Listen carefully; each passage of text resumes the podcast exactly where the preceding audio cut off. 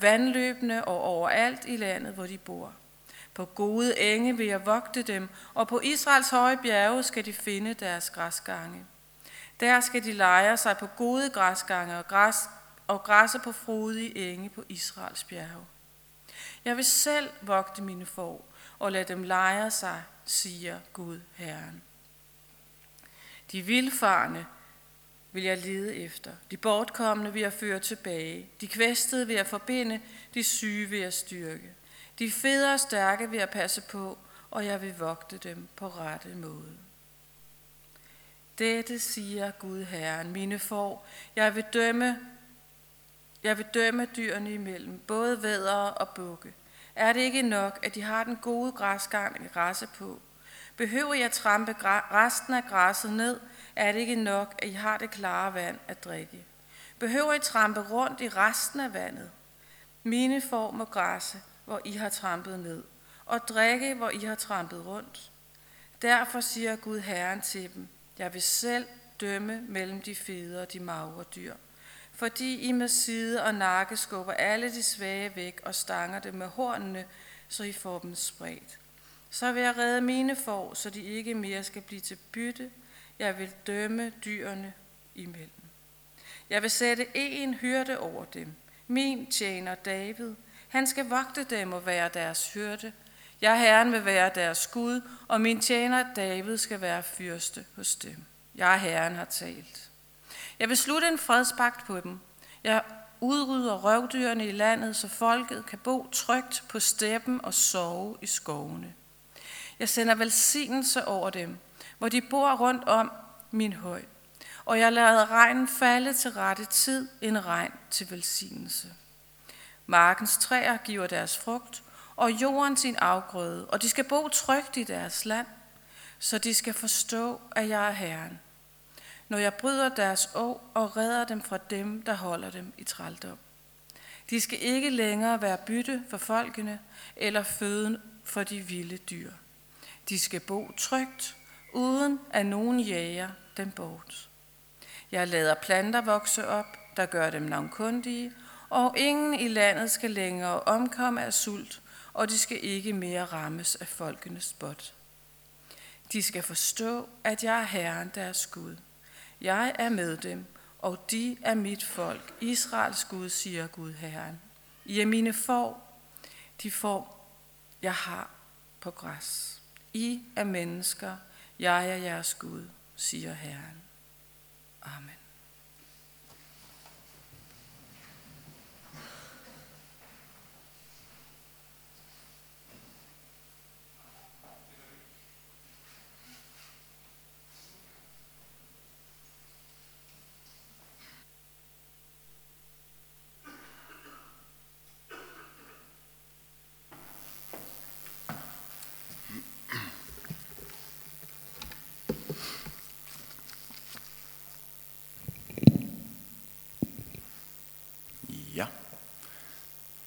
Så siger jeg god formiddag, og tak for velkomsten. Tak fordi, at jeg må være sammen med jer den her søndag formiddag. Dejligt at være her på Amager igen. Der går lidt tid imellem, men øh, godt at være sammen med jer, og så få lov til at være sammen med jer den øh, julefest og øh, december måned. Det er dejligt og hyggeligt. For dem af jer, der ikke ved så meget om mig, så kan jeg kort sige, at jeg hedder Daniel. Jeg bor i Køge øh, med min familie der en kone og tre små børn. Og der kommer vi i den relativt nye øh, Købugt Kirke, som ligger i Køge der. Ja, og så øh, til daglig arbejder jeg som lærer, når jeg ikke lige er det, eller passer børn, så tager jeg rundt og, og har glæde ved at dele Guds ord med øh, menigheder som jer. Ja. Og inden vi sådan går til det, så vil jeg gerne, at vi beder sammen. Jesus, jeg takker dig, fordi du er til stede lige her, lige nu. Tak fordi, at du kender hver enkelt af os helt personligt. Tak fordi, at du ønsker at tale til os, vække os, opmuntre os, retlede os, vejlede os. Og vi takker dig, fordi at det ord, som du har talt, er levende og virksomt. Og det beder jeg om, at, øh, at du bare må gøre din gerning nu, at give mig klarhed til at tale, som jeg skal, og give os ører, der lytter. Amen. Ja, tak til Tina, fordi at du lige vil læse den her relativt lange tekst op. Man kan sige, der er jo 31 vers, og jeg har cirka 25 minutter. Og det er øh, en lille smule ambitiøst måske at nå det hele, men, men jeg skal forsøge i, sådan, i hvert fald i grove træk at udlægge, hvad det er, øh, Gud han, han taler i, i det her meget spændende kapitel, synes jeg selv, i Ezekiel 34. Ja. Det er sådan, at, øh, at her i december måned, det er jo en, en hyggelig tid, som jeg startede med at sige, fordi det er juletid, og det er jo godt, at der er noget, noget lys i mørket, fordi egentlig så er december og, og hele vintermåneden her, det er jo på mange måder en, en mørk tid. Prøv en gang at tage det næste slide dernede. Det er øh, en tid, hvor vi, ja, der er ikke rigtig noget på, fordi det er egentlig bare mørkt. Når vi står op om morgenen, er det mørkt. Når vi tager hjem fra arbejde, er det mørkt. Og hvis ikke det var fordi, vi havde det her øh, lyspunkt i julen, så, så tænker jeg selv, at november, december, januar, det kunne være nogle rigtig mørke, og det er jo nogle meget mørke måneder, og kunne blive en, en lidt tung tid. Og så er det det med julen her, at julen det er jo et lys midt i mørket, som jeg har prøvet at illustrere på det næste slide. Der er et lys, der skinner midt i det omklamrende mørke. Det gør det jo med alle de her hyggelige julelys, men, men vi ved jo også, at der er lys i mørket, fordi vi fejrer, at Jesus han kom til jorden for netop at redde os ud af det mørke, som vi er en del af. Og det her billede med et lys, der skinner i et omklamrende mørke, det er faktisk meget sigende i forhold til de her ord, som Ezekiel han taler i kapitel 34. Fordi når vi kommer til Ezekiels bog, kapitel 34, så rammer vi ind i det måske mørkeste kapitel i hele Israels historie. Det er simpelthen utrolig mørkt, det der er gået forud.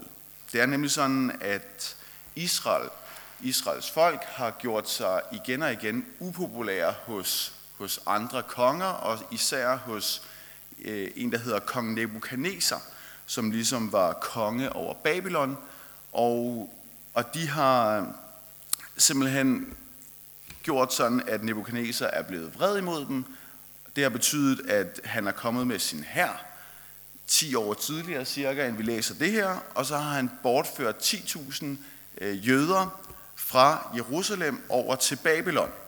Og Ezekiel han er så en af de her 10.000 jøder, der nu sidder i Babylon, og så taler han Guds ord til de folk, de 10.000 jøder, der sidder derovre sammen med ham.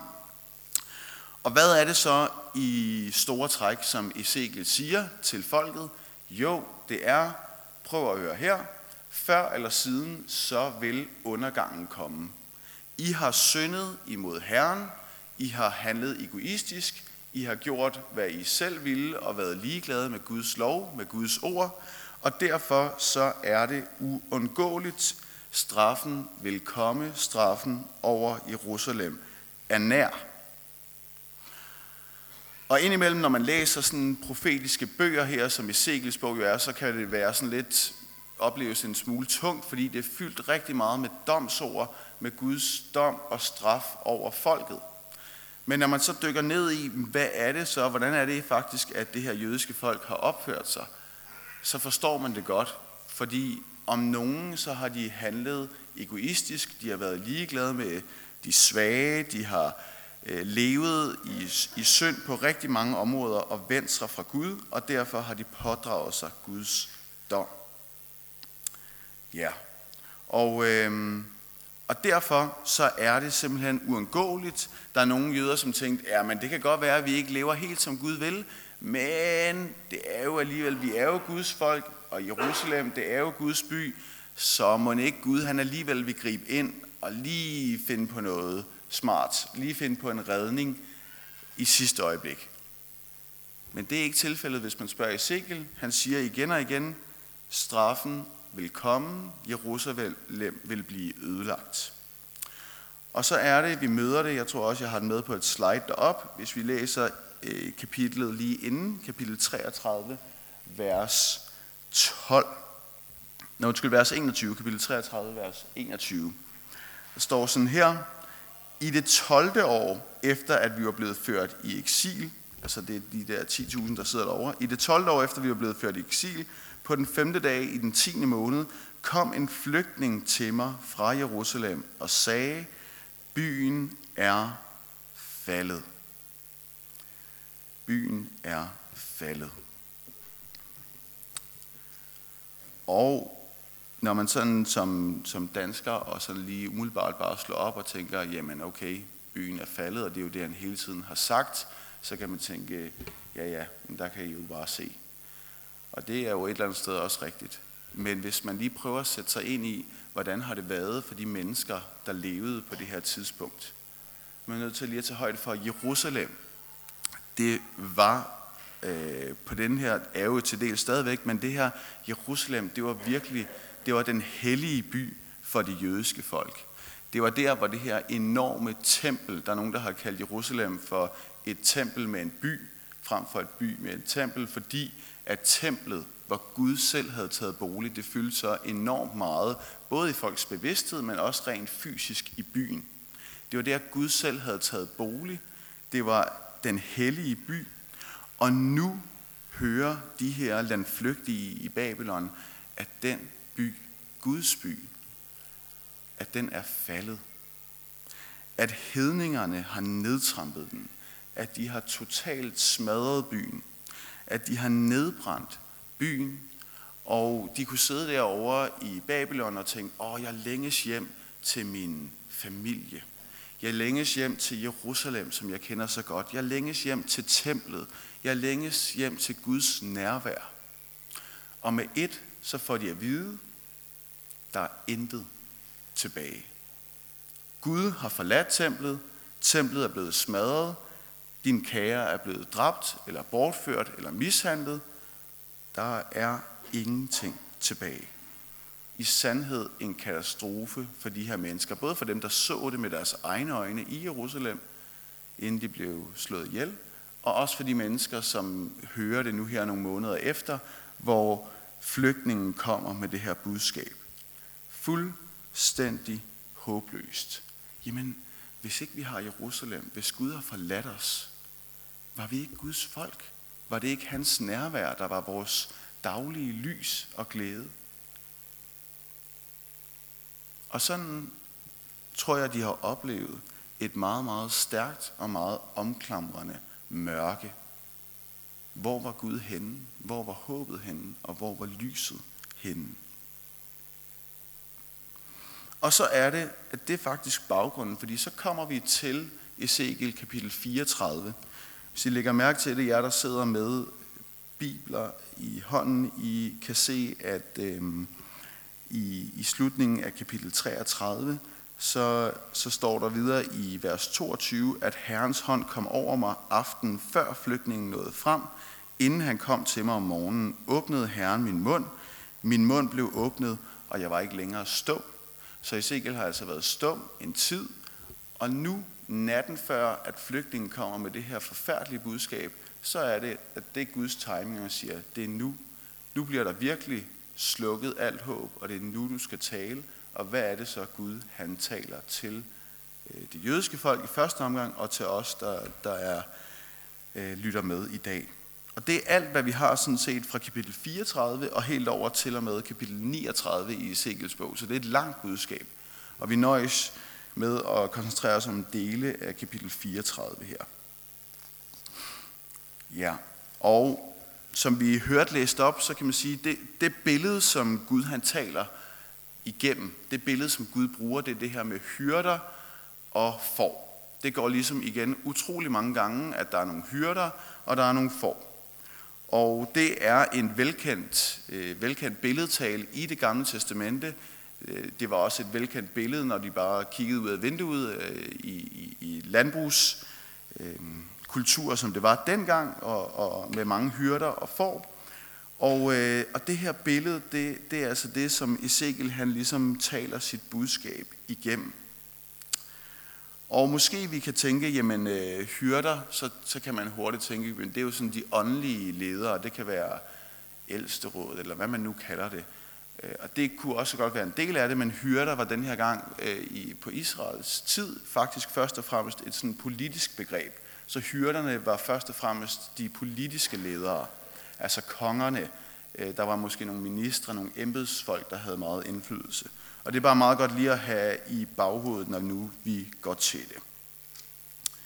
Ja, og jeg har prøvet, det er ikke fordi det bliver nogle lange punkter, men jeg har det selv sådan, at når man skal igennem en lidt længere tekst, og så prøver at dele det lidt op, så det bliver nemmere at følge med, så man ikke taber tråden. Og jeg har prøvet at lave et lille overblik over det, som jeg gerne vil sige noget om Øh, der. Så vi skal se på i, tre ting, og så ligesom en, en fjerde, hvor vi prøver at kigge på Altså et, det åbenlyse problem, som Ezekiel taler om, så skal vi prøve at kigge på, der er faktisk også et det skjulte problem, som, som Gud han taler igennem Ezekiel. Den overraskende løsning, og så i punkt 4, som jeg, som jeg også vil gøre noget af til sidst, nemlig, hvad har det så alt sammen med os at gøre? Hvad er der i det her, som vi må tage til os, lade os opmuntre af og lade os udfordre af? Men lad os kaste os ud i det. Vi går til det her med det åbenlyse problem. Fordi hvad er det Gud han så siger nu, hvor det ser så mørkt ud? Det har vi fra begyndelsen egentlig af kapitel 34. Ja. Der står, menneske, du, du skal profetere mod Israels hyrder. Du skal profetere og sige til dem, til hyrderne, dette siger Gud Herren, ved Israels hyrder, som vogter sig selv. Skal hyrder ikke vogte får? I spiser det fede, ulden bruger I til klæder, og de fede, fede dyr slagter I. Men I vogter ikke forne. De svage har I ikke styrket, de syge har I ikke helbredt, og de kvæstede har I ikke forbundet. De bortkommende har I ikke ført tilbage, de vilfarne har I ikke let efter, og de stærke har I underkudet med vold. Mine får er blevet spredt, fordi de er uden hyrde, og de er blevet til føde for alle de vilde dyr. Jeg stopper bare her. Så Gud, han går, han lægger ikke fingrene imellem, og han siger sort på hvidt, meget, meget lige ud af landvejen. Ved I hvad? Hyrder, Israels konger, Israels politiske ledere, i har simpelthen på ingen måde været jeres opgave voksen. Det var jer, der var hyrderne. Det var jer, der skulle tage af forne, som skulle lede dem, som skulle tage sig af de svage, dem som havde det svært, dem som ikke havde samme magt som jer. Og hvad har I gjort? I har bare tænkt på jer selv. I har handlet fuldstændig håbløst egoistisk. I har udnyttet dem, og I har været ligeglade med dem. Og så er det da klart, at nu, er, nu kan I se, Israels folk, de er som får uden hyrde, for de har jo ikke haft nogen hyrder, der gad at tage sig af dem. Hvilket svigt. De har simpelthen overladt de her mennesker til undergang. Når man er kongen, når man er leder, så må man jo lede folket efter og give dem, hvad de behøver, og fortælle dem om, hvem Gud er, og give dem gode reformer, der tager sig af dem og giver retfærdighed osv. Og konge efter konge har handlet egoistisk, har tænkt på sig selv, og bare været ligeglade med alle jøderne, alle Israels folk. Og derfor er Israel i stor nød. Og så skal I tænke på, at det her det er i første omgang talt til de 10.000, der, der er i Babylon, og som sidder der og tænker, ja, lige præcis, vi er blevet svigtet, vi er blevet overladt til os selv, og det er deres skyld. Det er vores elendige konger, det er vores elendige ledere, og hvor er det synd for os, kunne der måske være nogen af dem, der tænkte. Og det leder os til punkt 2, nemlig det skjulte problem. Ja, fordi det her med det åbenlyse problem, at der var et lederproblem, at der var et hyrdeproblem, det er ikke så overraskende. Men Ezekiel han siger faktisk noget mere overraskende, hvis man går ned og kigger i vers 17, altså i anden halvdel af Ezekiels budskab her. Jeg ved godt, jeg springer en lille smule i det, skal nok komme tilbage til det. I vers 17, så siger han sådan her, Dette siger Gud Herren, min for, jeg vil dømme dyrene imellem, både vædder og bukke. Og i den danske oversættelse synes jeg ikke, at det er så tydeligt, men jeg har taget en med her på norsk, og der står sådan her, og i min hjort, så siger Herren, se, jeg dømmer mellem får og får, mellem vædder og bukke. Og det her tror jeg har været en større overraskelse for dem at høre. Lige pludselig, bedst som nogle af dem måske har tænkt, ja, præcis, det er de andres skyld, det er ledernes skyld. Så peger pilen på dem selv, og hvad er det så, at Gud han siger til dem? Og det var, som det læste her fra, fra kapitel 17 og frem efter, er det ikke nok, at I har den gode græsgang at græsse på? Behøver I trampe resten af græsset ned? Er det ikke nok, I har det klare vand at drikke? Og så videre, og så videre. Og på den måde, så siger Gud faktisk til dem, ja, straffen kommer over Jerusalem, fordi I har haft dårlige ledere, der har været ligeglade med jer, som har været ligeglade med Gud. Men det handler også om, at I har svigtet. At I har vendt ryggen til mig. Det er ikke bare jeres lederes skyld. Det er faktisk også jer selv, som handler egoistisk. Det er også jer selv, der skubber de andre, der skubber de svage væk. Og de her billede med, med forne, der, der tramper rundt, hvor de andre skal spise, og de andre skal drikke. Hvor Gud han siger, I har det, den her onde tilbøjelighed, den bor også i jer selv, og den lever i bedste velgående. Og der er et tankevækkende vers hos undskyld, Jeremias, som ligesom levede nogenlunde samtidig med Ezekiel. Jeg har den også med op på slidet. Øh, hvis vi lige kan springe lidt frem, tror jeg, vi skal.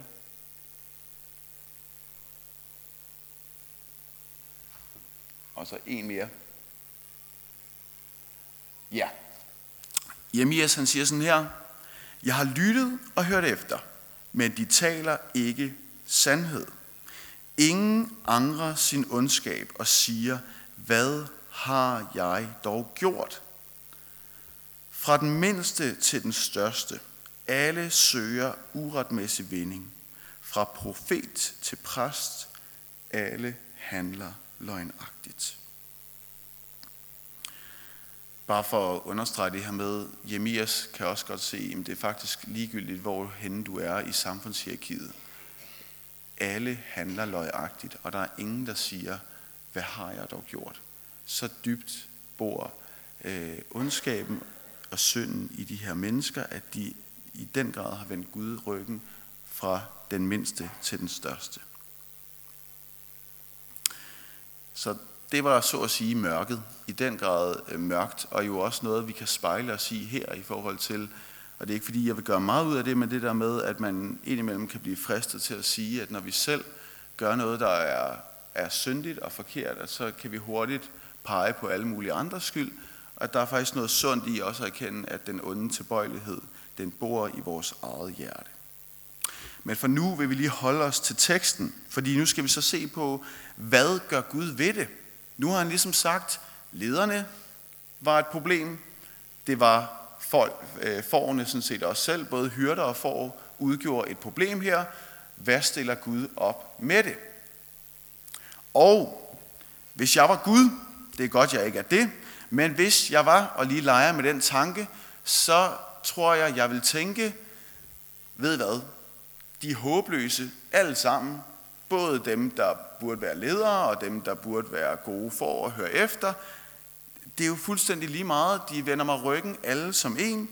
Så, og i øvrigt, hvis jeg kigger på mit land, på min by, den har de også tilsmusset med deres overtrædelser. Ved I hvad? Vi trykker kontrol alt delete, og så sletter vi det hele.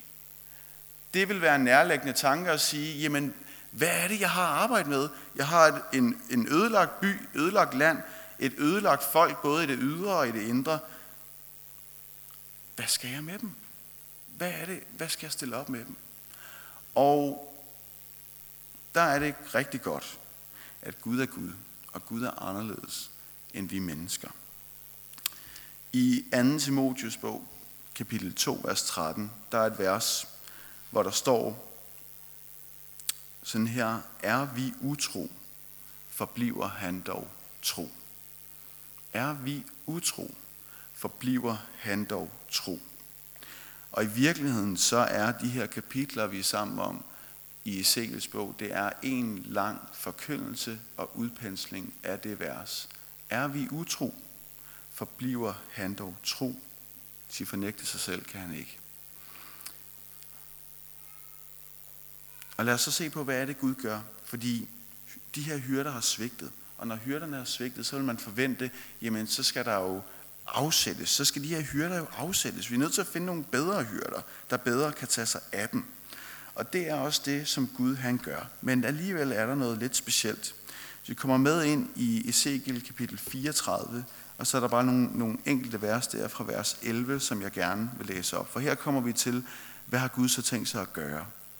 Jo, for dette siger Gud Herren, jeg vil selv søge efter min får og holde øje med dem. Som hyrden holder øje med sin hjort, når hans får er spredt rundt om ham, således vil jeg holde øje med mine får og udfri dem fra alle de steder, hvor de blev spredt på de mørke skyer og mulmets dag. Jeg vil føre dem ud fra folkene, samle dem fra landene og bringe dem til deres eget land. Jeg vil vogte dem på Israels bjerge, ved vandløbene overalt i landet, hvor de bor. På gode enge vil jeg vogte dem, og på Israels høje bjerge skal de finde deres græsgange. De skal lejre sig på gode græsgange og græsse på frodige enge på Israels bjerge. Jeg vil selv vogte mine får og lade dem lejre sig, siger Gud Herren. De vilfarne vil jeg lede efter, de bortkommende vil jeg føre tilbage, de kvæstede vil jeg forbinde, de syge vil jeg styrke, de fede og stærke vil jeg passe på. Jeg vil vogte dem på rette måde. Nu lagde jeg tryk på jeg bevidst, sådan så I også kunne høre, her der er altså noget overraskende. I stedet for at sige, jeg vil indsætte nye hyrder, så siger Gud, væk med de dårlige hyrder. Men hvad er løsningen? Jo, jeg vil selv vogte dem. Alle de der ting, som hyrden gør, siger Gud, det vil jeg gøre. Fordi nu gider jeg ikke de der hyrder mere. Nu vil jeg selv komme og være hyrde for dem.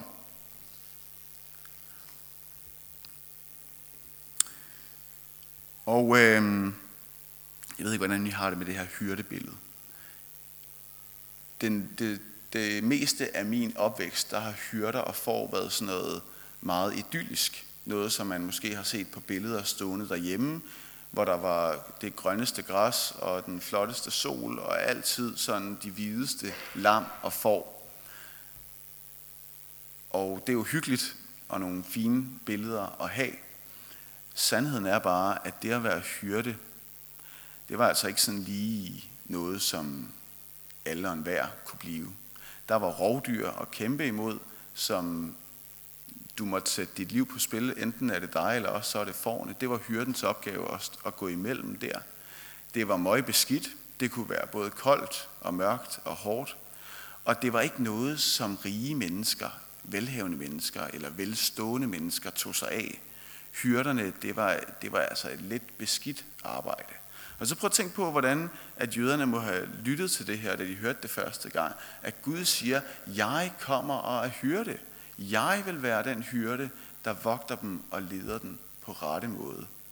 I øvrigt efter, at de lige havde hørt, at alt, hvad de kendte til og holdt af, var blevet smadret. Jeg ved ikke, om de, om de overhovedet rummede det, da de hørte det første gang, men i hvert fald er der noget meget overraskende her. Og så er der et løfte mere, som vi også lige skal omkring i forhold til det her med den overraskende løsning. Jeg tror, jeg har den med op på slidet, fordi i anden halvdel af sin øh, profeti her, sin, sin ord, der, der siger Ezekiel i vers 23, Jeg vil sætte en hyrde over dem, min tjener David. Han skal vogte dem og være deres hyrde. Jeg, Herren, vil være deres skud, og min tjener David skal være fyrste hos dem. Jeg, Herren, har talt. Og en detalje, det her med, han siger, min tjener David skal være fyrste hos dem. Og så kan man sidde der, og man tænker, åh, nu er vi i Segels bog, og ham der David, det der efterhånden nogle kapitler siden, jeg har læst om ham. David var længe død og borte på det her tidspunkt. Det, der ligger i, at det er min tjener David, er, at det er dels af Davids slægt, og så bruger man også indimellem i det gamle testamente den her vending, at en konge gjorde, hvad der var ret i Herrens øjne, og så tilføjer de nogle gange øh, helt som sin tjener David, eller helt som sin fader David. Så det her Davids navn, det indikerer altså dels en konge, som er i, i Davids slægt, men så også en konge, som er efter Guds hjerte. Og så kan man sige, okay, så vi har to ting i forhold til den overraskende løsning. Gud siger, at han vil selv komme og være konge hos dem, og så vil han indsætte sin tjener David som fyrste hos dem, altså øverste politiske leder. Og der er faktisk rabbinere, som igennem tiden har haft problemer med det her, fordi hvordan kan Gud på den ene side sige, jeg vil selv komme og være hyrde for dem, og på den anden side siger han, jeg vil sætte min tjener David som fyrste hos dem. Og det kan man sige for os, der lever på den anden side af, af, af Jesu øh, første komme, så kan vi se, der er faktisk nogle brækker der, der falder på plads. Men for dem her, jøderne, inden, inden Jesus kom, der var det ikke så selvfølgeligt. De har faktisk kæmpet lidt med det her, at det jo både var fyrsten David, Guds tjener, og så var det også Gud selv, der skulle komme og vogte dem. Og med den baggrund, så er det jo stærkt, når vi om i Johannes evangeliet læser, og det her vers har jeg selv læst mange gange, før jeg lærte Ezekiel 34 at kende. Og det er et ganske udmærket vers, uafhængigt af, om man kender Ezekiel 34 eller ej. Så det skal man bare glæde sig over. Men jeg synes alligevel, det giver noget, nogle flere nuancer, det giver noget mere kraft, når man så læser, hvad Jesus han træder frem og siger. Johannes kapitel øh, 10, og vi kan tage fra vers 11. Jeg er den gode hyrde. Den gode hyrde sætter sit liv til for forne. Den, der er daglejer, ikke er hyrde og ikke selv ejer forne, ser ulven komme og lader forne i stikken og flygter. Og ulven går på rov i blandt dem og jager dem fra hinanden, for han er daglejer og er ligeglad. Jeg er den gode hyrde. Jeg kender min for, og min for kender mig, ligesom faderen kender mig, og jeg kender faderen, og jeg sætter mit liv til for forne. De jøder, der hørte Jesus sige det her første gang, de har helt sikkert haft nogle klokker, der ringede. Hey, der kommer en, og han siger, jeg er den gode hyrde. Hvad for noget? Jo, den gode hyrde. Den hyrde, som Ezekiel havde profeteret om, og som jo altså ikke var kommet lige rundt om hjørnet. De havde ventet de vidste jo ikke, hvornår der ville komme. Der er gået 50, 100, 2, 3, 4, 5, 600 år og mere til, før at Jesus så træder frem og siger, jeg er den gode hyrde. Den hyrde, som Ezekiel talte om. Og med det, der siger han jo både, jeg er den tjener David, som er blevet lovet, og jeg er også Gud selv. Jeg er den hyrde, den Gud, der vil komme selv og være hyrde i blandt min får og vogte dem på rette måde. Ja. Og så er der en del af Ezekiel 34, hvor man kan sige, og det skal jeg nok lade med at gå meget ind i, men alligevel bare lige runde det, fordi det kan godt være, når du går hjem eftermiddag og læser det, eller du allerede har læst det, og tænker, hey, det var da ikke alt, han fik med fra det her kapitel. Det er det heller ikke.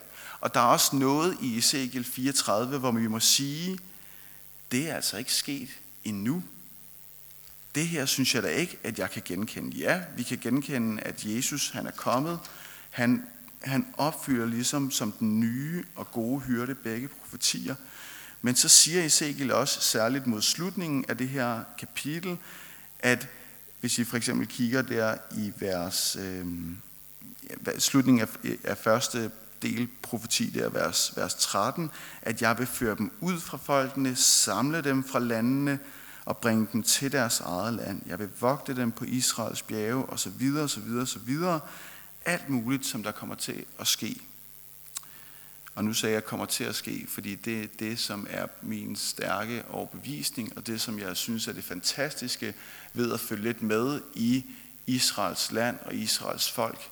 Det er bestemt ikke, fordi alt, hvad der foregår i Israel, er bare øh, fryd og gammen, øh, og, og, og de politiske ledere kan skifte og kan gøre os dårlige ting, men alligevel og på trods, så lever vi i en tid, hvor vi får lov at se, at det her løfte, som jo ikke bare står hos Ezekiel, men mange steder i det gamle testamente, om at Israels folk bliver samlet, øh, at flere og flere øh, jøder kommer til tro på Jesus, at det sker langsomt, men det sker dog øh, for øjnene af os.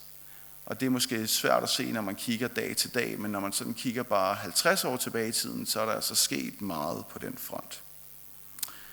Det er en helt anden historie, men det er bare for lige at sige, at øh, det, det rummer det her kapitel altså også. Ja. Og så er vi nået til det sidste, som jeg skal sige, nemlig det her med, okay, vi har kigget på, at der var det åbenlyse problem med hyrderne, det skjulte problem, at det faktisk også galt dem selv, og så den her overraskende løsning, at Gud selv blev hyrde, og han sendte sin, øh, sin tjener David, som så viser at være Jesus, og han stiller sig frem og siger, jeg er den gode hyrde, som sætter mit liv til for forne. Så er der nogle brækker, der falder på plads. Og alligevel så kan man sidde og sige, fint Daniel, interessant bibelforedrag, men hvad er det så, at Gud han taler til mig i dag? Hvad er det, han gerne vil sige til os? Og der er flere ting, men jeg har valgt ganske kort at tage tre ting ud. Den første, det er, at Gud, han har livet og verdensgang, han har historien i sin hånd. Jeg synes, det er så stærkt, at det her med, hvad er baggrunden? Jo, det var, at det var simpelthen så håbløst, som det overhovedet kunne være. Alt håb var ude. Alt var slukket. Hvad skal vi gøre? Det hele er smadret. Vores familie er smadret. Og det er benhårdt op ad bakke. Og lige der, så går Gud ind og siger, jeg har faktisk stadigvæk historien i min hånd. Jeg har stadigvæk planer. Jeg ved, hvad der er bedst. Og nu skal I høre her. Og særligt inden for de sidste par år, hvor jeg synes selv, at i min hverdag og i mit liv, at der kan være ting, hvor jeg kan tænke, jamen om det så er pandemier, om det er krig, om det er prisstigninger, hvor jeg sådan tænker, uh, det, det, den er mærkbar, at der kan være, også selvom at det hele ikke er smadret fuldstændigt nu, men bare sådan, når man tænker på vores verden nu, eller vi tænker på den verden, der kommer, som vores børn skal vokse op i, at man indimellem kan blive fyldt af, af, af frygt, og man kan blive fyldt af bekymring, og man kan tænke, hvordan skal det gå? Og Jesus har jo heller ikke ligefrem lovet, at det bliver bedre og rarere frem mod, at han kommer igen. Men, der er et men, fordi det her kapitel og Bibelen i øvrigt er et stor vidnesbyrd om, at Gud han har vores liv, dit liv, din tilværelse i sin hånd. Og der er det bedst. Som salmisten siger, mit livsløb er i din hånd. Og det betyder jo ikke, at der ikke er modgang, at der ikke er hårde tider, at der ikke er ting, vi kommer til at græde over, og som gør rigtig ondt. Men det betyder, at din tilværelse og dit liv er det bedste sted, det kan være, nemlig i Guds hånd. Han er i kontrol. Det er en trøst for mig. Den næst sidste ting, jeg vil sige, det er, at Jesus, han vil også gerne være din hyrde. Egentlig så handler Ezekiel 34 jo kun om jøder. Man kan sige, fint nok for dem. Men hvad med mig? Hvad med os, som er ikke jøder, som er hedninger? Og der siger Jesus nogle ord, som jeg ikke lige læste op før med vilje. I, hvis man læser bare et vers mere i Johannes 10, 16, så siger han, jeg har også andre får, som ikke hører til denne folk. Også dem skal jeg lede, og de skal høre min røst, og der skal blive en hjort og en hyrde. Og det er jo det fantastiske, at Jesus han vil også være din og min hyrde. At det er vigtigt, at når Jesus er vores hyrde, så vil han lede os. Og der må vi øh, øve os i at høre hans røst, at vi kender Jesu røst, som han også taler om i Johannes 10 Og vi har, jeg skal nok lade med at læse det nu, men det her med, der er så mange røster, der er så meget, der gerne vil påvirke os, som vil tale til os gennem sociale medier og øh, fjernsynet, at vi læser vores uddannelse, vores arbejde, så mange ting, vi bliver påvirket af, og meget af det er jo godt. Der er også en god del af det, der er skidt. Og der er det, at Jesus han siger, jeg vil gerne være din hyrde. Jeg vil gerne lede dig, at du bliver mit for. Og for at du kan være mit for, der er det super vigtigt, at du kender min røst. At du kender min vilje. At du kender mit ord. At du fordyber dig i mit ord. At du gør en indsats for at lære det at kende. Ikke for, at så er jeg god nok til dig, men fordi, at når vi kender hyrdens røst, så ved vi også, når han kalder, så ved vi, når han taler, og så kan vi bedre navigere i det liv, der er foran os, og som kan være fyldt med store spørgsmål om, hvad skal jeg, hvad, hvad ønsker du, at jeg skal gøre, hvad er ligesom øh, vejen, hvad er, øh, ja, hvordan følger min hyrde i det liv, som jeg lever. Ja. Og så den sidste ting, det er, at nu er det jo egentlig adventstid, og det er snart juletid, og advent handler jo om, at vi venter på et komme, altså øh, Herrens komme. Og vi glæder os snart over, at Jesus kom første gang. Men advent handler også om, at vi venter, og vi gør os klar på den dag, hvor Jesus han kommer igen. Herrens andet komme. Og hvor de her ting, som Ezekiel han taler om, hvor de ting øh, i endnu højere grad skal gå i opfyldelse, når Jesus han kommer igen for andet gang. Og der er også bare en nerve der at sige, er vi klar til, at Jesus han kommer igen? Jesus siger igen og igen, våg og bed om, at I må være klar, I må holde jer klar til, at jeg kommer igen, sådan så den dag ikke skal være en overraskelse. Og så er det, han siger i øh, aller sidste vers her, 1. Peters brev, det var sådan lidt øh, også apropos hyrder, 1. Peters brev, kapitel 5, vers 4, der siger, egentlig talt til kirkens øh, hyrder i første omgang, og så kommer der i kapitel 4 her, at når hyrden over alle hyrder åbenbares, skal I få herlighedens uvisnelige sejrskrans. Når hyrden over alle hyrder åbenbares, skal I få herlighedens uvestenlige sejrskrans. Det er jo det, det handler om. Det er det, det handler om, at når hyrden over alle hyrder åbenbares, det vil sige, når han kommer igen, for han var kommet første gang, da Peter skrev det her, når den hyrde kommer igen, og vi er klar, når vi hænger fast ved ham i tro og i tillid, så er løftet, at så skal vi få herlighedens sejrskrans, som er uvisnelig. Det vil sige, at den forsvinder ikke, den er bestandig. Må Gud give os ydmyge hjerter og udholdende tid til det. Lad os bede sammen.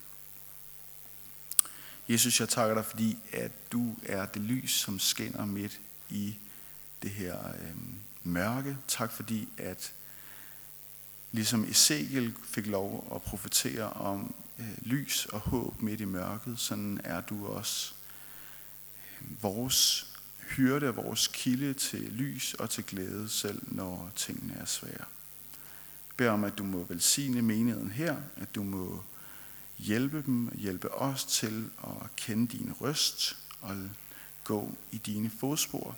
Og her vil du gøre, at vi en dag må få herlighedens uvisnelige sejrskrans, når du kommer igen her. jeg har også bare lyst til at bede for Israel og for, for jøderne, for det land, som du har knyttet så mange løfter til. Her må få lov til at se, at flere og flere tager imod dig, og at dine løfter øh, bliver opfyldt. Amen.